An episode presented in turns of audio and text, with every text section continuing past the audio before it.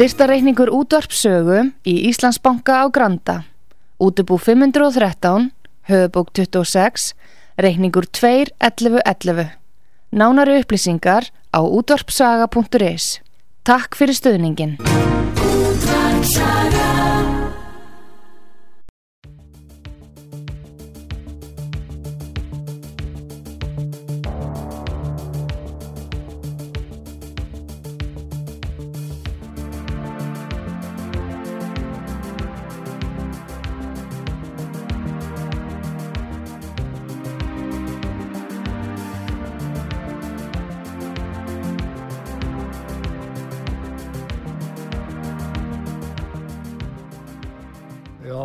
Komið sæl, ég heiti Arnar Þór Jónsson, sitt hérna í hljóðstofu uh, út af sögu og ég ætla í dag að tala við Svölu Magneu Ástísadóttur sem er staðsett í Svíþjóð.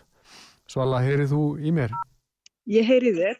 Ok, svo bært ég heyri vel í þér líka og hérna ég ætlaði bara svona að þakka þér hýttalagi fyrir að uh, gefa þér tíma til að tala hérna við mig um mikilvæg það sem við erum svona sammálum að eru þó mikilvæg atrið eins og málfrelsi og, og aðhald sem að fjölmeilum ber að veita stjórnvöldum á hverjum tíma. En tilefnið að því að sérstaklega ég e, baði um að koma og tala við mig er það að við skrifum saman og byrtum saman grein í morgumblæðin í gær og við munum síðan kannski framhaldinu geta farið aðeins yfir hana. Ég hef verið skammaður aðeins síðan hún byrtist í gær fyrir það að hún sé á laung og mér er sagt að Íslendingar hafi minna lesþól en lestrarþól heldur hún aðra þjóðir, ég vil nú ekki endilega trúa því en, en uh, kannski ef að tími gefst til þá les ég eða þú greinina upp og það er kannski þetta spilana einhver staðar ef að, ef að það fólki líður betur með það. En svo alveg segðu okkur aðeins í upphafi frá svona þínum bakgrunni og, og, hérna, og störfum. Já, heyrði það er eitthvað vola skrítið að tala hérna, hérna bergmálastall. Nú var það? Er, er hljóði, heyrist vel í mér hjá ykkur? Já, það bergmál er ekki sko, ég heyr ekkit bergmál. Ok, það er kannski... Að hann heyrir ekki bergmál. Hérna, já, ég er bara fætt og halva alin upp á Íslandi en svo flutti ég hérna út til Svíþjóður með fjölskyldinni þegar ég var tíu ára og er skólagengin inn í Svíþjóð og fór í háskólanám hérna úti og lærði fjölmiðlafræði í þrjú ár. Og eh, komst þá að því að mér langaði að gera heimildamindir þannig að ég tók þátt í heimildamindaverkefnum og fór til Sarajevo og ég tók þátt í heimildamind heim á Íslandi eh, að aðstofa við að, að framleiða uh, Future of Hope heimildamindar sem að hún var fjallað um sjálfbarni og, og hvað, það bergmálar allt. Þetta er svo skrítið að tala. Okay. ég heyri allir í ræðinu eigum við að, eigum við að hérna, þetta er nú bein útsending eigum við að prófa að ringja aftur og þá kannski er það tek, teksta betur upp þannig? Já, ég ætla að prófa að slappa hérna á hátalarnum hjá mér Já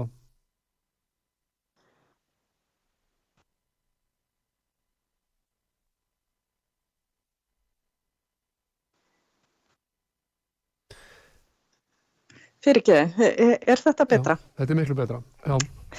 Uh, já, þannig að ég uh, hef verið að svona fást mikið við uh, heimildamöndagerð og svo fór ég út í bladamennsku líka á Íslandi. Já. Og það var nú samt frekar stutt tímabil hjá mér en ég kom við á DFF og fréttatímanum og eitthvað uh, bara að skrifa helga viðtöl og svo leis mm -hmm. og núna er ég búsett í Svíþjóð aftur og hefur verið að starfa hérna sem fréttablamar mm -hmm. uh, ásandæðuru hefur líka kennar í afle afleysinga uh, starfum mm -hmm. Finnst þér að vera finnst þér að vera annað sko hugarfarkakar fjölmiðlun í Svíþjóð en á Íslandi? Um, sko nú er ég ekki bara að vera á Íslandi í svolítinn tíma þannig að öll mín tilfinning fyrir því sem er að gerast á Íslandi fer fram í gegnum samfélagsmiðla og fréttir. Uh, en mér, mér finnst svona úr fjarlægð finnst mér ég skinja uh, að hérna Íslandikar séu svolítið um, það eru bara tveir pólar eitthvað neginn og, og fólk hefur lítið umbyrðalindi fyrir öðrum skoðunum en þeirri sem er ríkjandi. Já, ég held að þú, það væru margir sammála þessari lýsingu á, á íslensku samfélagi. Það er, það er bara annarkort ertu í, eh, með rétta skoðanir eða rángar. Það er einhvern veginn ekki mikið svona sveigurum fyrir hérna, eh, svona einhverja gráa eða fyrir einhvern, einhvern eva. Nei, akkurat. Ég, ég, mér hefur fyndist svíjarni vera svolítið sko opnari almennt fyrir eða svo að það er ekki jafn mikil harka eða dómharka gagvart fólki sem er kannski með einhverju evasendir. Já. Þannig að það er svona, já, mér hefur fyndist svíjar eins og í gegnum faraldurinn svíjar hafa sko bóðið upp á fjölbreyttari umræðu í fjölmiðlum, getum orðað þannig. Já, og er mikið sko meira litróf á sviði fjölmiðlunar í Svíþjóð kannski heldur en hér á Íslandi?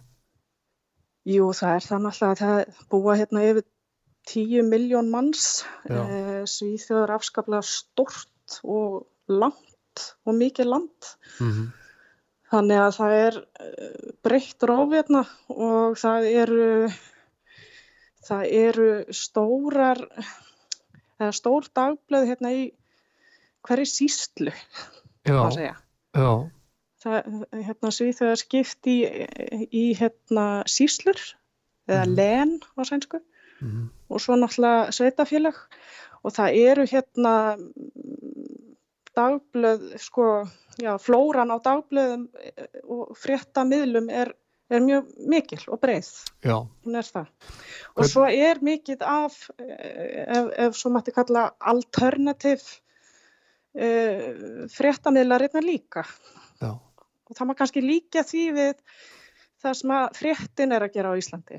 Fréttin er náttúrulega bara mjög nýr miðill á Íslandi sem er sprottin upp af þörfinni fyrir aðeins hérna fjölbreyttari eh, umfjöllun um það sem er að gerast. Já, við tölum það í greininni sem að byrtist í morgunblæðinu í gæra að eh, sko íslenskum bladamönnum hefur orðið ákveðið matnaskild þegar þeim er stilt upp sem framlinu fólki og þar með hafið þessir bladamannafundir þrýjekisins svona bara orðið að einhvers konar já, sko gaggrinnislausum fundum eina sko, sem ég sá út úr þessum fundum var að bladamenn á Íslandi spurðu okkur gerir ekki meira, okkur gerir ekki fyrr? Það var allavega bara lítið á gaggrinu spurningum. Uh, voru fundirnir í Svíþjóð með öðru sniði? Þegar Tegnell var þar í Svíðsljósinu uh, Það hérna Það var hérna í upphafi alveg hópur að gaggrýna Tegnell af því að Tegnell var að taka ofsalega framúrskarandi ákvarðanir sem fór að skjön við ákvarðanir allra annara þjóða á nettinum mm.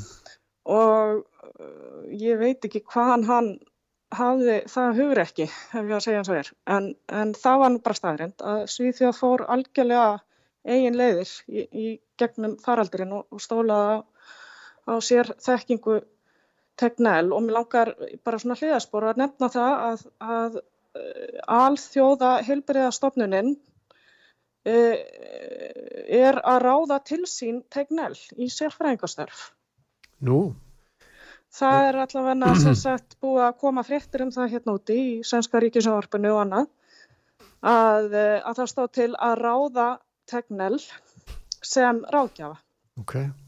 Þann, en, en síðan hafa koma, komið aðrar fréttir þar sem að það er óljóst hvenar það samstarfmyndi hefjast. Mm.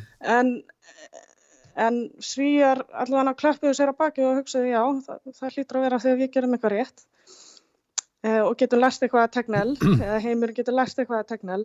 Ok, ég er nú samt bara svolítið hættum að ef og þegar næsti faraldur kemur hver að það að, fara, vera skinsamur í já.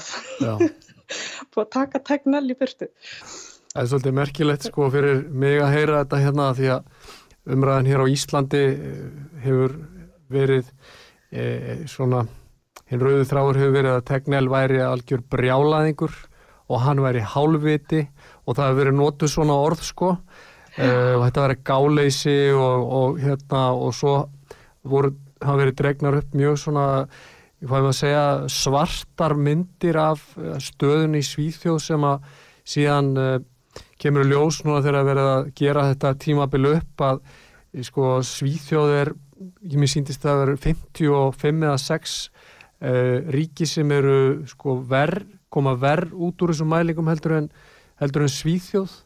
Þannig að mér finnst áhugavert að heyra þig segja þetta hafandi búið í Svíþjóð að þú hafir svona þá sína þetta hafi yfir höfuð eða svona almennt tekist nokkuð vel hjá Svíhjónum eða hvað eða Já, já. Og það er augljóslega- dæmis, það er hérna einhver Facebook-hópur sem heitir Vi, Vi som stöttar Anders Tegnell og þar voru einhver 20.000 manns Já, og ánæði með Tegnell.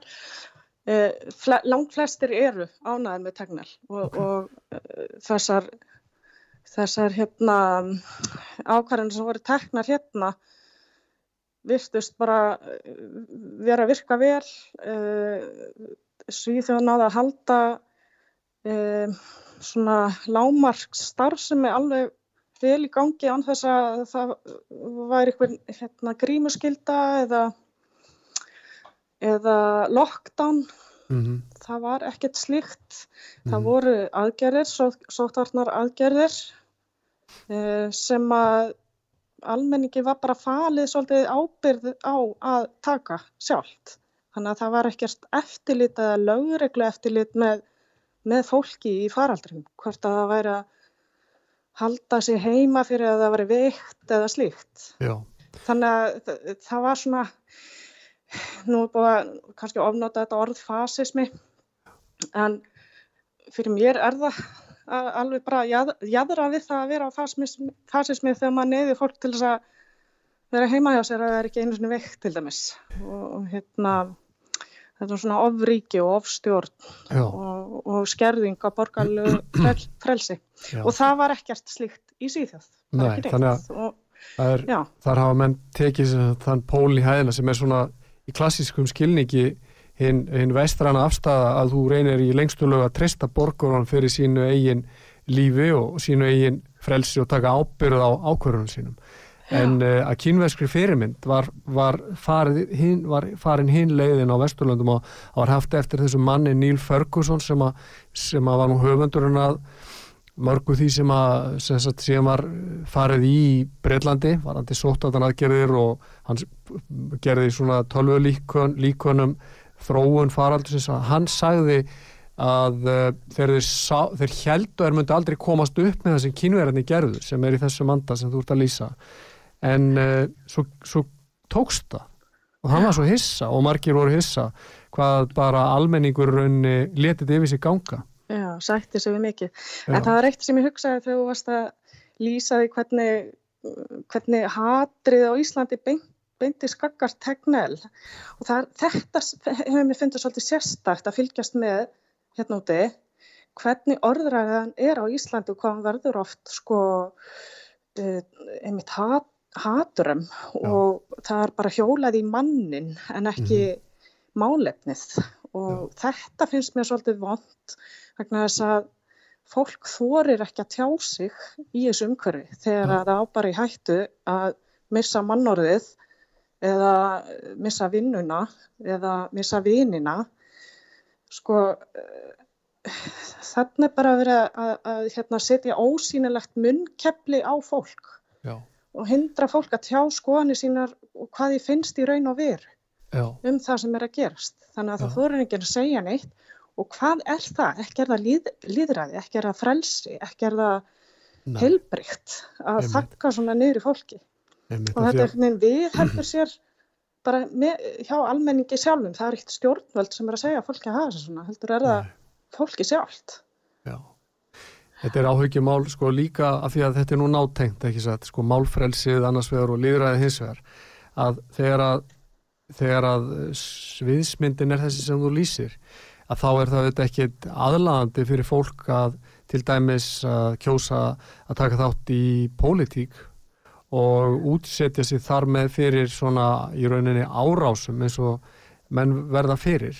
Já, eins og þú hefur nú varðið fyrir. Já, ég, ég bara það er svona sérstæð sko að ég, maður átt sér á því þegar maður þegar fólk er byrjað svona að, hefða, að ráðast á mann sko með orðum persónlega þá kannski er það ekkit óþægilegt skilur það er líka má taka þessu merkjum raukþrótt þegar fólk er byrjað að ráðast að persónun en ekki því sem að verður að segja mm. en, en veist, þetta er áhyggjefni út frá svona líðræðislegu sjónarhóttni því að mm. þetta er skadlegt uh, á svo margan hátt mm. og uh, myndur segja að uh, þá svona þetta sé ekki eins rætið í Svíþjóð eins og hér Uh, ég myndi ekki fullara það, nei. Þetta er ekki að bara ræti hérna úti, en þetta er rófið hérna úti líka og Já. það eru pólar hérna líka, tveir Já. pólar. Já. Það er öfga vinstri og öfga högri og þetta er allt hérna, en, en svona meðal svíin er meðal maður, sko.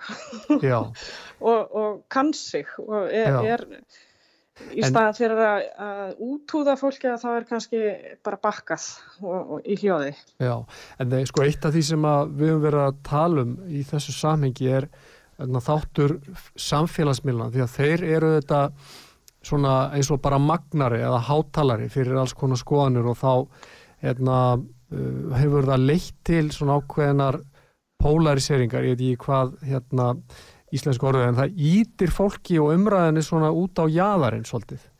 Og, og þá hérna þá, þá, þá ertu knúin til þess að vera annarkort í þessu liða hinnu uh, þar hefði maður haldið að svona klassíski fjölmiðlar hefðu uh, gríðarlega stæ, sagt, bæru mikla ábyrð á því að reyna að sko viðhalda uh, hvernig við orðaða viðhalda bara svona samræðinni sem er mm.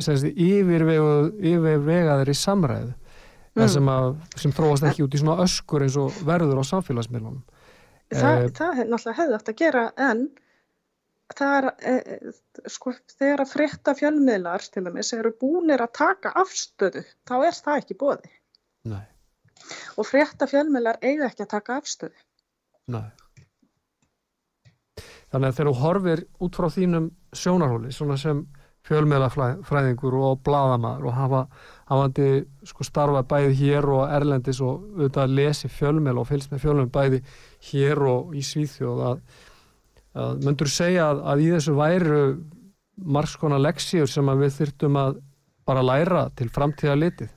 Það er ekki nokkuð spurning og það sem ég hef áhugir af er, er þöggun það sem ég hef miklar áhugir af er til dæmis það að það sé bara þakka niður í, í fólki á samfélagsmiðlum eins og, eins og bara sefræðingum vegna Já. þess að þeir eru að lifta fram einhverju sjónarhaldni sem að eða gaggríni eða áhyggjum mm. sem að e, fer gegn ráðandi stefnu Já. og þá er bara þakkað í því og þeim er eitt út af samfélagsmiðlum með ekki lengur tjá sig með ekki lengur greina frá upplýsingum. Uh, þetta er gert við uh, almenning líka sem er kannski að tjá sig í kommentakerfum. Það er bara lokað á fólk þannig að það get ekki lengur skrifa, skrifað aðhugasendir. Mm. Og það þarf ekki að vera vegna þess að það var dónalegt eða ráðast á einhvern annan. Er bara var það með eh, hérna, upplýsingar sem að voru óþægilegar. Óþægilega fyrir, fyrir hvert þá? Sannsagt, já, það er þetta sem að eh, er að gerast og, og kannski byrjaði í faraldrinum að mm. það er svo mikið drama í gangi. Mm. Það er, fólk er hrætt og, og það, fjölmiðlar eru að taka þátt í svona dramatískri frásögn í rauninni þar er alltaf vondigæn og góð, góðgæn og ef að, ef að hérna ef eitthvað fer gegn góðagæðinum eða það sem er skilgrendur sem góðagæðin þá, þá er það bara uh, umhugsunarlaust uh, einhvað sem má ekki heyrast. Einmitt. af því að þetta er orðin baráttu vellur fjölmiðla vettvangurinn er orðin baráttu vellur eða svið fyrir narratív. Já, útskýrðaðins fyrir hlustandum hvað áttu við með orðinu narratív Narratív er í rauninni saga mm. eða framvinda. Það sem að uh, aðilar eiga í hlut og það er, narratív er, er söguþráður og það er narratív í öllum bíómyndum til dæmis. Mm -hmm. Og bíómyndir eru alla byggðar upp þannig að það er góði kallin og vandurkallin uh, í gróðum drættum. Góðöfl og, og slæmöfl og hér góða og helsta að vinna. Já. Og það er þarna einhver konflikt og við, við öll erum mjög heila þvín af svona narratífi Já. að hugsa eh, á þennan hátt og mér hefur til og með svindist það sem er að gerast út í heimi í dag það er stríð, það er stríð á mörgum stöðum í heiminum en aðtiklu okkar er beint að ákveðnu stríði og það er mjög hávar umfjöldun um það. Og að mínum að þetta er svolítið verið að temja fólk hvar, hvar aðtökli ná að vera og hverjum á að halda með. Mm -hmm. og ég hef áhyggjur af því ég ætla bara taka það fram ég er á móti stríði og ég stið ekki stríði í Úkrænu bara svo að maður fá ekki hólskefluna yfir sig. En mér finnst það ekki lægi að loka á stærsta frétta fjölmiðil Rúslands sem er alþjóðlegur og fer fram á ennsku Mm -hmm. og, og hérna ég meina þetta er bara það sem verið er að gera í Norður Kóru það er verið að banna erlenda fjölmiðla í Norður Kóru mm -hmm. eins og það leggur sig og hérna eru við bara að banna e, sagt, já bara að þakka niður í einu staðista fréttamiðlunum á alþjóðavísu þetta er mjög stór miðl, Russia Today. Uh, og, og og það er gert í nafni þess að það fara, fari fram falsfréttir. Án þess að það sé í raun búið að skera úr um það formlega hvort það sé rétt eða ekki. Að það fari fram falsfréttir.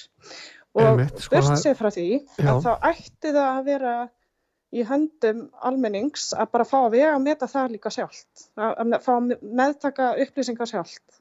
Mm Já sko við verum þá í rauninni að fara þá leið sem við varst að lýsa áðan með svíþjóð. Að við verðum að treysta þá fólki til þess að kunna hérna fótu sínum forráð og kunna að hérna að hlusta og uh, draga álíktanir og svo framvegs. Það, það er hinn klassiska leið, hinn leiðin sem að sömu myndu þá að segja að sé nútíma leiðin innan gæsalappa sem byrtist í faraldrinum er svo að uh, stjórnvöld fresta þess að hafa vit fyrir fólki og stýra því og þá stýra því með valdi ef ekki vit betur til valdbóði og þvingunum þannig að það er svolítið aðteglisvert í þessu samhengi sem þú nefnir að ég veit ekki hvort þú séð það en það er frettaskýring í morgumblaðin í dag eftir Ásker Ingvarsson. Sem skrifar oft góða greinar í mokkan og hann, hann er einmitt að tala um þetta sko að þessa áherslu á það hjá sömum að rétta fólki verði að stýra umræðinni og þetta er grein sem fjallar um það að Elon Musk er að reyna að eignast Twitter. Já. og Elon Musk hefur áhyggjur af því að, að bara að siðmenningin sé í hættu ef að, ef að það er ekki til frjálsvettangur fyrir skoðanaskipti. Já. og svolítið áhugavert sko að margt gott í þessari grein sko að hann sagt hann þá, þá eru náttúrulega fyrsta sko, fyrsta skrefið þegar þetta er sagt hjá þeim sem eru hérna, í hópi rétta fólksins vantarlega að Elon Musk sé það alls ekki. Og þá er ráðist á hans sem personu en ekki horta það sem hann er að segja og það er svona, ís, það er svona íslenska leiðin í, hérna, í umræðinu og ódýra leiðin það er að ráðast að, að fara í mannin og hérna en hann segir að uh, hann sko telur að umræðan í samfélaginu sé á villigötum og bæði samfélagsmiðlar og fjölmiðlar vilja aðeins leifa ákveðnum sjónamiðum að heyrast og uh, Ásker segir í greinsinni kannski metur mörg það svo að þökkun og reytskoðun, bæði bein og opinn, munu skada samfélagsumræðina svo mikið að mannkinni sem heild muni standa í staði að beil stíga skref aftur á bakk mm. og aldrei að vita með hvers konar hörmungum, hörmungum það gæti endað. Mm -hmm. Og á meðan, svo heldur hann áfram, á meðan ekki hægt að ræða máluna síðan hátt, á meðan að þessi réttar skoðanum með að heyrast, er vand séð að jarðarbúum takist nokkuð tíman að, eh, að hérna, eh, svona að þróa þá áfram. Það sem að ánú að heita verðmætast hérna sem er svona, hvað er maður að segja síð menning þar sem að menn nefarétturinn og opnin er ekki látið að tala. Mm. uh, þetta stríð eins og þú segir hlýtur að vera það er bara, það er algjör uppgjöf gagvart sko því að leysa málinn með síðaðri umræð, ekki satt? Já þannig að uh, ég er svona svolítið hissa á því einmitt hvernig þessi stilt upp þegar þú ert í annarkvört í góðaliðinu eða vondaliðinu Já, þetta er rosalega einfælt Það er svolítið áhugavert líka ef ég má nefna það hérna að Musk er að reyna eignast Twitter vegna þess að hann segir það er ákvæmlega mikilvægt fólk bæði viti og upplifa að það geti tjáð sig óheft innan þeirra marka sem lögin leifa og við erum samála um það svala ekki satt að, að, að við stiðjum málfrelsi en við erum þá algjörlega á því að, að fólk verða að bera ábyrð á því sem það segir að lögum, ekki satt? Algjörlega. Og, þá segir, þetta er svo áhugavert hann segir hérna, að, Mörsk segir eitt af því sem ég finnst að Twitter ætti að gera væri að opna grunnkóðan sem samfélagsmiðlinn byggir á. Og ef eitthvað er gert til að fela tiltekinn týst eða gera þau meira ábyrgandi þá ætti ferðlega að vera gagsætt allir ætti að sjá ef gripið hefur verið inni frekar hann að inngripin farið fram á bakvið tjöldin, hvort sem það er með algrími eða að manneskjar þar á verki. Er, þetta er alveg í taktu það sem þú varst að segja áðan að uh, sumum sumir eru hreint og meint bara faldi eða hreint og meint lokað á þá að, með, að meðan ítt er undir önnu sjónamið Já, þeir eru eitt áhugast í þessu samviki og mér langar að taka fram aftur að ég mun senkt telja að stera einhver Trump hérna stöðningsmæður eða stöðningskonna ég ætla bara að taka það fram fyrirfram. En Trump var mjög ötull notandi Twitter og mjög símilur og mjög gagsær þar. En húnum var vikið af þessum vettvangi meðal annars vegna þess að hann var að gefa út yfirlýsingar og staðingar um það að sonur Joe Biden, bandaríkjafórsita sem heitir Hunter Biden Já. að hann hafi átt í einhverju ólöglegu eða siðlösu braski í Úkrænu mm -hmm. þetta var hann að eh, að setja fram rétt fyrir kostningar hann Trump mm -hmm og gerði náttúrulega allt vittlust með þessu og var strax sagaður um ligar og rópurð og allt þetta. Eh, Trump var líka að, í að því að, að veiran hafi kom, lekið af rannsóknastofi í Wuhan mm -hmm. sem að segna reyndist bara nokkuð líklegt. Mm -hmm.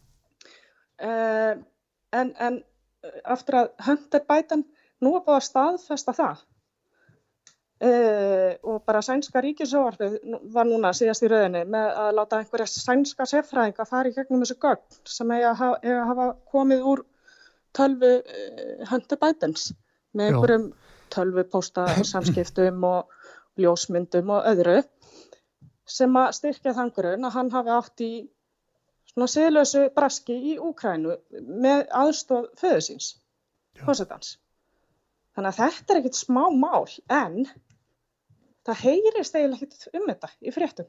Nei, e, sko ef þú, ef þú hefur hérna, tíma eftir að skoða Greinas áskil sem ég var að vitna í áðan og bara áhugavert í þessu sammyggi sem þú vorst að nefna að hann byrjar greinina svona í morgun, hann segir Merkilegur atbyrgur átt sér stað fyrir í mánuður þegar Chicago Háskólu og tímaréttið í Atlantic endur til ráðstöfnum upplýsinga óruð og líraði. Brian Stelter, eitt þekktasta andlið sjónvastöðurna CNN, mætti þar í pattbósumráður og satt fyrir svörum. Á meðal áhörðanda var ungu maður, Christopher Phillips, sem reysu sæti baðum hljóðneimann og á þess að heika að spurða Stelter, svo komu, kemur tilvitnum.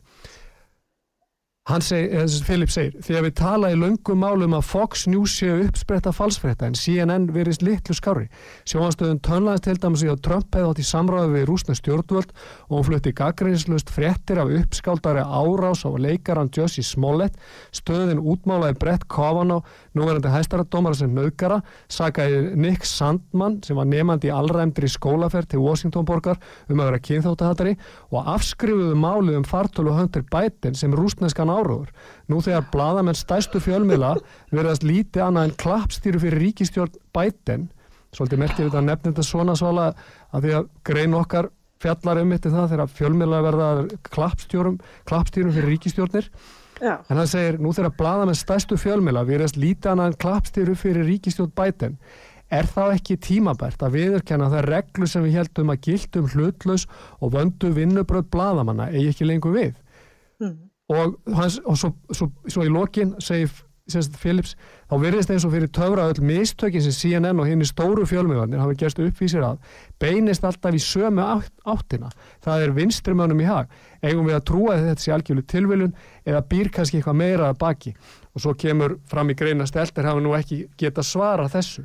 En í raun og veru við hljóttum að spurja okkur hérna, og við verðum að spurja okkur, þetta ekki svala hverjum tíma er það sem að vera að halda okkur í fréttum og í blöðum er þetta rétt, stennst þetta sannleikan og hvar getur við þá hægt önnur sjóna með búum við, Já. viltu eitthvað bæta við Nei, að það er ymmit akkurat þetta. Maður þarf að, að geta farið og fengið önnur sjónamið mm -hmm. það er bara þannig. Og það er ekki hægt ef að fólk ef að sagt, heilu miðlunum er bara eh, heilu miðlarnir eru svartmálaðir og um leið og eitthvað er að koma fram á yfirborðu og þá, þá, þá er þess að það sé einhver öll sem að fara að ráðast á annarkort personuna eða vettvangin þar sem að upplýsingarna byrtast. Svolítið, við skulum fara að taka auðlýsingar en bara í þessu samhengi sko því við erum hérna útvarpið söga það er svo margir sem að hefna, segjast ekki vilja hlusta á útvarpið sögu og Ég hef þá spurt, byrju, en, en ef að finnst þér ekki mikilvægt að það sé í það frjáls umræða og mér sýnist að vera vettangur þar sem bara alls konar fólk, Gunnar Smári og ég og alls konar fólk fá að koma og tjá sig, ungt fólk og eldra og ég ber ekki ábyrð á því sem hér er sagt, ekki frekar en þú eða aðrir. Uh, en það, þetta hefur verið, verið svörinu, þeir eru svart málaðir í rauninni sem, sem að stá... Uh, starfa á útvarpi sögu eða þeim fjölmjölu sem ekki eru þóknarlegir uh, þeim sem að vilja stýra því sem sagt er. Já, það er til eitt orð yfir þetta líka. Nú? Það er fordómar. Já, þetta er... Ef að það að fólki sem er að gaggrina út af sögu svona eh, með, með stimplunum mm. og uppnefnum hafi gefið sér svo mikið sem hálftíma til að mhm. hlusta einhvern þátt mm. þarna. Það með fordóma er búið að ákveða eitthvað. Já, og fordómar, sko við erum nú vonandi flest sammála um það að eru, uh, þú veist, ég ekki rétt á sér, maður skildi vona það að flestir værum opnum, opin huga og tilbúin að hlusta á andstað sjónamið og það er nú einmitt hérna einkenni góðs réttafars og réttlæti skiðjan, þessi klassíska mynd sem að margið ekki að einmitt er tákjærfingur þess að hún hlustar á sjónamið allra að, málsagala áður hún fellir dómin en, en hún með, líka með bundi fyrir augun þannig að hún sér ekki hver, hver er að tala. Nei. sér ekki hvað hann er gamall eða jafnvel ekki hvers kynns eða hvaða litarhátt eða hann er með og svo framvegist þannig að fordómar hafa frá fornu fari verið taldir óæskilegir þegar við stöndum fram fyrir að taka hérna, ákvarðanir um hvað við ætlum að gera og hvernig við viljum hlusta á. En hérna, nú skulum við taka stuð hlið og svo höldum við áfram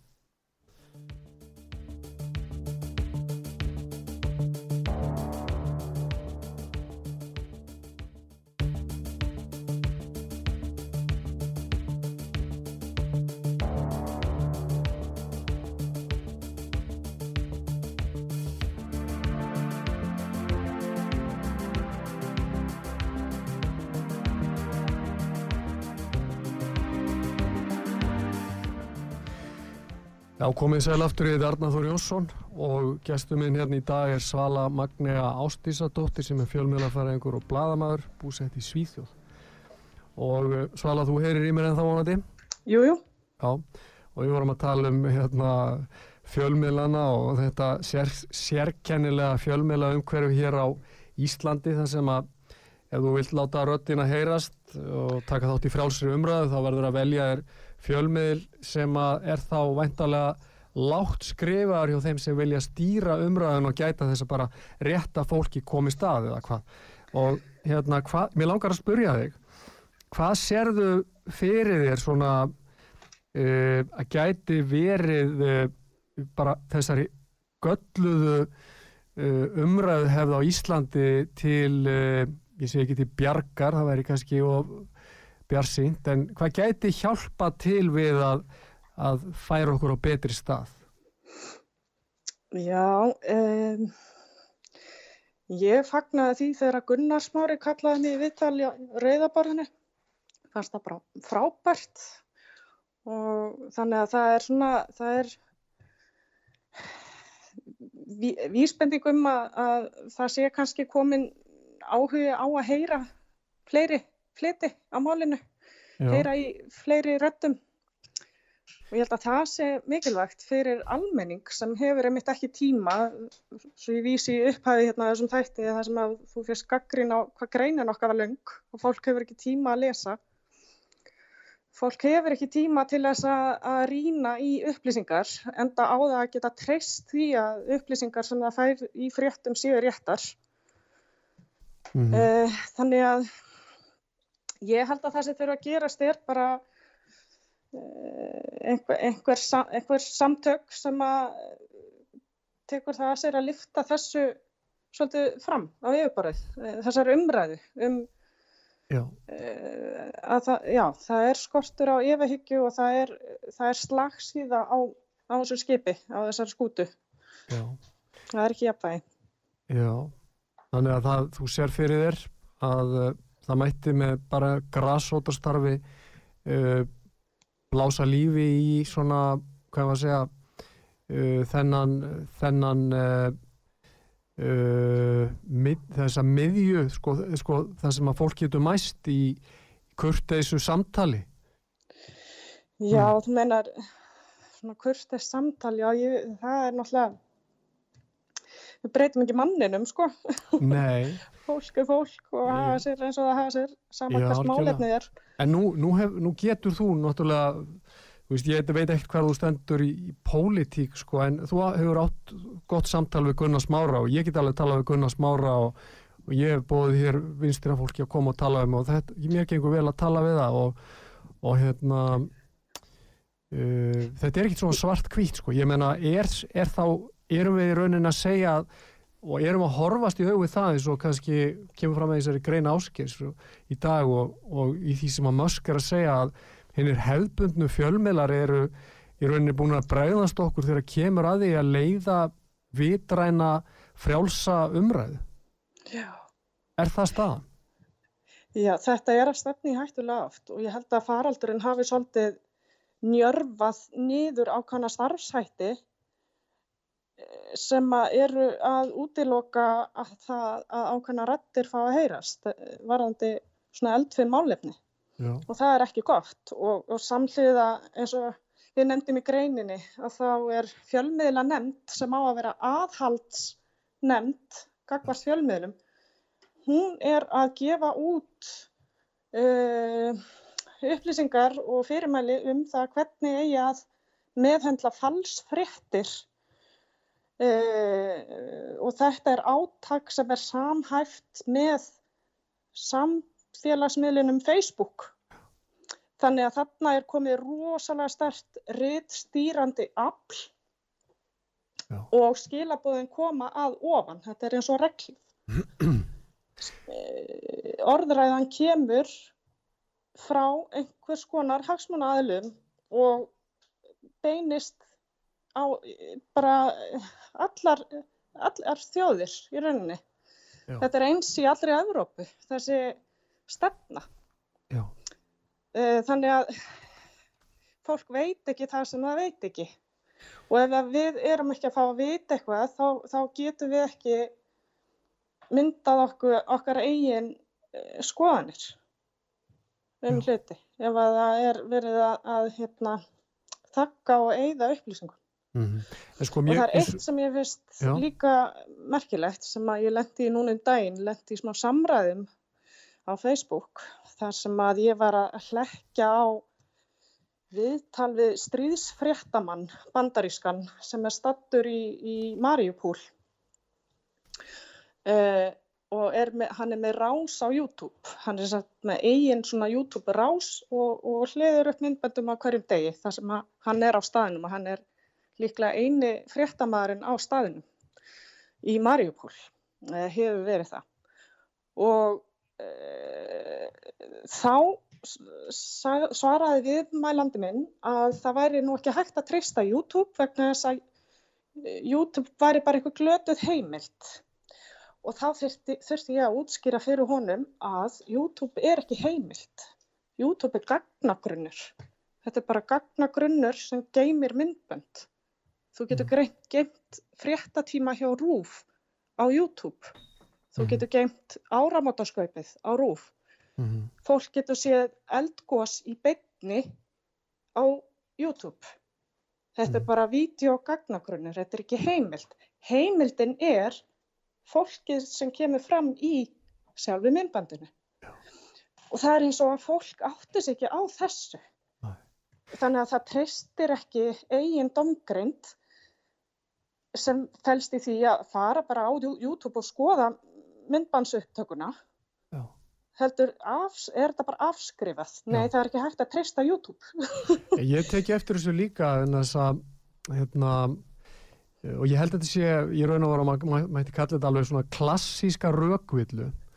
Það er að segja, uh, Jón Jónsson kemur fram, segjum bara hérna á þessar ágætu útastöð og segir eitthvað og ég vitna til þess, ég held að ég geti nefnt mér sér bara beint dæmum þetta, ég vitna til eitthvað sem að gestur minn hefur sagt og þá er svarið í staðan fyrir að svara því sem að viðkomandi sagði, það er að segja þá, er sagt, þetta er ómartægt að þetta kom fram á þessari útastöð og þá segi ég þetta er rökvill að þú, þú tekst ekki á við, við rökin sjálf heldur ræðist á, á sko vettvangin sem það sem þetta er sett fram á.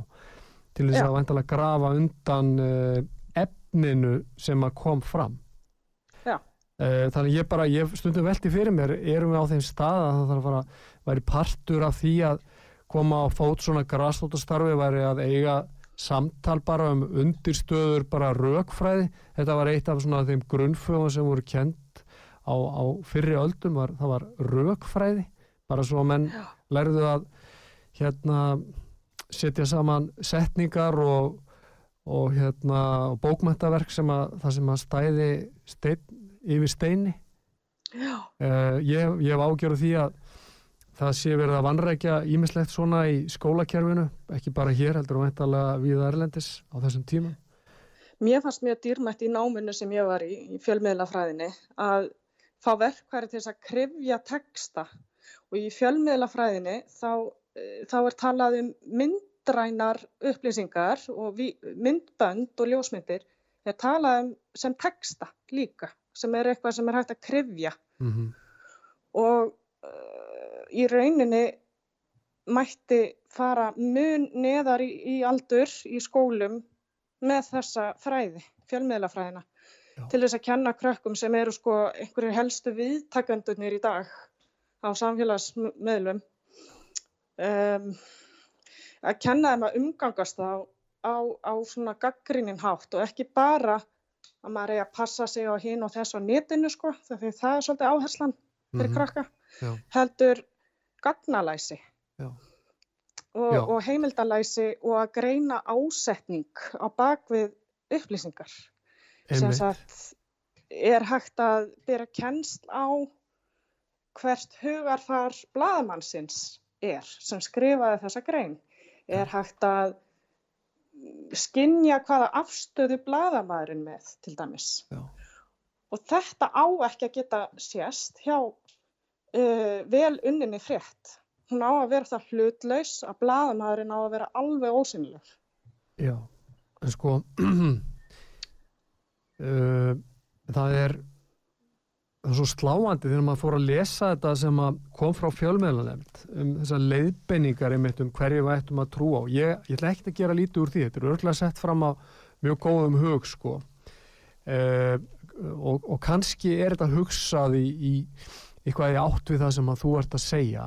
En bara það að ef að við hefum að horfa til þess hvort að stóri og rótgróni fjölmiðlar hafa fjallaði um málið eða stóri og rótgróni miðlar hafa fjallaði um málið það eitt og sér segir okkur ekkert mikið um trúveruleika þess sem að þarna kemur fram. Það getur verið alls konar hagsmunir erna, að bakvið uh, framsetninguna og bara Já. svo ég vitni nú einu einu sinni í, í grein áskis í mokkanum í dag að þá er til dæmis talað um hérna að meðan stæstu hlutafa Twitter eru BlackRock og Vanguard og Morgan Stanley og konungsfjölskyldan í Sáti-Arabíu svo að það væri gott fyrir okkur að svona hafa átt okkur á því hvar við stöndum þessum, þessum fjölmiðla samsteipum sem sérstaklega þegar það er farið að þegar farið er að stað með svona herrferð og það væri auðvitað, það eru auðvitað svolítið umhugsunavert ef að niðursta okkar í þessu samtali er að svarið fyrir, mm. og besta vörnum fyrir líðræðið væri svo að hreinlega að uh, búa til í rauninni nýja fjölmiðla sem byggjast á græsótastarfi fólks úr uh, hinnum ímsu flokkum sem að vil stiðja málfrelsið. Að mm. þá, það væri ákveðin áfællist dómur og í rauninni ótrúlega vantraust yfirlýsing á þess að stóru fjölmiðla sem að eiga að hafa þetta hlutverk eins og við tölum nú bara um hérna bleika fílinni í þessu herbergi eh, sem er e, ríkisútvarpi og ríkisfjölmiðlanir Já Tröstið til þess að BBC í Breitlandi er bara, það er búið að fara sko, það er búið að vera í nánast í frjálsu falli núna í mörg ár og uh, hvernig er þetta í Svíþjóð? Hvernig hefur sænska ríkisútvarpinu gengið að svona uh, viðhalda trösti og hlutlækni í, í sinni framsetningu? Sko nokkuð vel. Sko sænska ríkisútvarpið og útvarpið nýtur gífurlegs tröst almennt og hefur hefur alltaf tíð verið með svolítið háan gæða stöð, stöðul og verið með áhuga að vera rannsókna bladamennsku eh, heimildathætti og annað. En mér hefur fundist að fara hrakandi núna síðastliðin ár með emmitt eh, eh, bara eins og þær hafi verið leittir í sömu gildruna og allir að fylgja einhverjum einhliða áróðri og, og það er sem sagt búið að gleima að halda rannsóknar gleruðunum á og, og að, að vera með heilbreiða efihyggju gagvart e, frétta tilkynningum frá livjafyrirtækjum. Ja. Bara síðan hvenar fóru fjölmiðlar að endurbyrsta það nána skakgrínslöst. Það er eins og að fréttamenn heimsins e, séu búin að afsala sér domgreyndina sína og, og, og að, að livja framleiðendur séu bara orðnir einhverju guðir og að allt sem að þeir gefa út allar yfirlýsingar um meint öryggi og gagsemi og virkni og annað og þarfir, það er alltaf verið að bæta við nýjum og nýjum og nýjum sköndum og fyrir yngra og yngra og yngra fólk og það, það segir, segir enginn byttu, byttu, byttu, byttu, stopp, þetta er mm. engar ekki fyrirtæki sem mm. hefur hagnað að því að vera að selja þetta Já. og það er enginn að e, sko þóra að stoppa þessa lest sem við erum hérna áfram sko svolítið merkilegt hvað þú segir að þeirra verið, hvernig orðað er þetta að lifja framleiðendur hefur verið settir á stall sem einhvers konar guðir orðað er þetta þannig? Já, það er bara allt heilagt Já. sem við láta út frá sér Já. og það þorir enginn sko, eða dettur engum í hug að draga eitthvað í efa sem þeir eru að tilkynna. Það sem að gerist auðvitað hér og vafalöst í öðrum löndum er tíðan að vera í Svíþá sko en að þessi svo kallu bóluefni sem í rauninni er ekki bóluefni en einum klassísku skilningi heldur einhvers konar livja meðferð þau voru rauninni, þau voru urðu gerð, þau urðu heilug þetta var heilagt og ósnertanlegt og var sett á einhvern svona tilbeðslustall þannig að það mátti ekki efast um þetta eða, eða bara, ég veist, bara ekki einu sinni segja, eigum við ekki bara að fara varlega eigum við ekki að skoða þetta, eigum við að kynna okkur hvað hér er í gangi, til dæmis ég var að lesa í morgun bara nýjasta sko að nú, nú lítur út fyrir það að tíðinni livrarbólgu meðal batna hafi stór aukist eftir að fara að vara stað með þessar spröytuherrferðir ja. en, en, en fjölmiðlar hafa ekki sko uh, gert neina útækt á þessu og vilja ekki einhvern veginn grafa neitt ofan í það hvað hugsanlega gæti skýrt uh, þessa fjölgun livrarbólgu tilfella og þá eru ótalin Já, öll tilvikin hjartabólgur hjá ungum hérna, mönnum og svo framvegis Fyr- Fyrir ekki.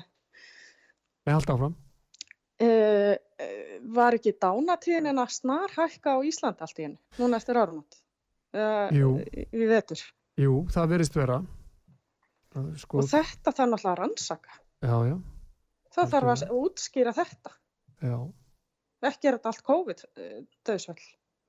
Nei, en það getur verið, við skulum ekki útiloka það eins og í Svíþjóð, þú veist, Svíjarnir komu illa út úr hérna, kó, kórónaverunni hérna alveg á fyrstu metrunum og þá var talað um að það hefði verið að hluta til skýringin hefði verið svo að flensan hefði verið væg síðustu tvö árun undan, þannig að það var mikið sko því meður af gamla fólki sem að var, var hérna sem að dó þarna fyrst, fyrstu metrunum og vafalust einhver mistök hugsalega gerð af hálfu sænskara yfirvalda í þeim efnum á fyrstu metrunum. Já, en jú, það er sko- reyndar rétt. svo er það auðvitað þannig að fólk hefur auðvitað bara lifað hér nánast sko undir sæng heima hjá sér í tvö ár á Íslandi og þá kannski í skríti þó að eftir að slíku tímabili ljú- ljúki að þá kannski verði einhver aukin afföll. Maður, að þetta er flókið og ég er algjörlega sammálaður að það, það ber að rannsaka þetta því að það var má segja að það verið gerð hérna einhvers konar samfélagslega tilraun á Vesturlöndum með þær aðgerði sem ráðist var í. Lífsgæða skerðandi og, og hérna hömlun á félastarfi og, og skólastarfi og atvinnulífi og svo framvegs og er ekki, ég las, eða var einhver segja með um daginn að, besta sko ávísunin eða besta tryggingi fyrir langlífi væri í raun og veru gott uh, félags, góð félagstengsl þannig að fólk sem að til dæmis býr saman með börnum og foreldrum og svona þeim virðist vegna betur í, í baratunni við sjúkdóma og elli heldur en þeim sem eru einangraðir og einmana og eiga ekki slíkt félagslegt bakland Hm. þannig að það er auðvitað margt sko sem að þarf að ræða og, og, og er sannarlega væri gulli tæki fyrir fjölmiðla að takast á við. En svala ef að okkur endist nú hérna kraftur til þess að þá hver veitnum að við getum saminast í því að þá að búa til einhvers konar e, nýjan fjölmiðil eða, eða sko vettvang fyrir frjálsa umræðu? Mm. Já, það væri kannski eitthvað til að stefna að. Það, það, eh, það er þörf á því. Sko, það þarf aðhald, það þarf að heyrast gaggríni, gagvart framsetningu sem er einhliða í fjölmiðlum. Já. Og, og hinga til hefur svo gaggríni náttúrulega farið fram með skoðanagreinum í, í dagblöðin Já. sem hafa verið byrt en það einhver sér, já, vantar kannski svona eigin vettvang. Já. Og þetta er þá, auðvitað er þetta hugssjónastarf, býst ég við, ég ger ekki ráð fyrir því að, að það er hægt að lifa því en, en uh, verðugt, þetta er verðugt verkefni fyrir þá sem að trúa á líðræðið og vilja verja málfrelsið. Það er mjög dýrmætt. Já, Mjög dýrmætt. Ég þóri bara ekki að hugsa til þess hvernig þetta verður af því að eh, það er alveg alls ekki ólíklegt að það komi einhvern tíman aftur faraldur og eh, nú eru allir búin að fá þjálfun í því þannig að einmitt. Það er nokkuð örugt að viðbröðin verði svipuð nema bara að fólk sé enn meira tilbúið að hrekka í gýrin aftur af því að nú veit að hvernig það á að gera og hafa sér sko. Þannig Ég er að- svolítið hættið það. Já, Mig en er ekki gott ekki svala að núna því að við þurfum að fara að ljúka þættinum? Eigum við ekki þá bara að eh, skora á hlustendur að koma hérna, ganga til liðs og okkur í því að verja hér málfrelsið og, og slíkan opin vettvang og taka þátt í því með okkur kannski að, að ebla og mögulega að stopna slíkan vettvang. Því algjörlega, að, því að hérna, ef við viljum vera frjálsir borgarar í frjálsu samfélagi þá leggur það okkur ákveðnar skildur og ákveðna ábyrð og herðar. Svo að ég bara er ánaður með það svala að þú hafi gefið tíma og þakkláttur fyrir að þú hafi gefið tíma til að tala við mig og ég skora á hlustendur að standa með þér í þessu sem að þú ert að tala um og svo Takk bara sendum við bestu kveður til Svíþjóðar takk fyrir spjallið Já, takk sem leiðis. Bless.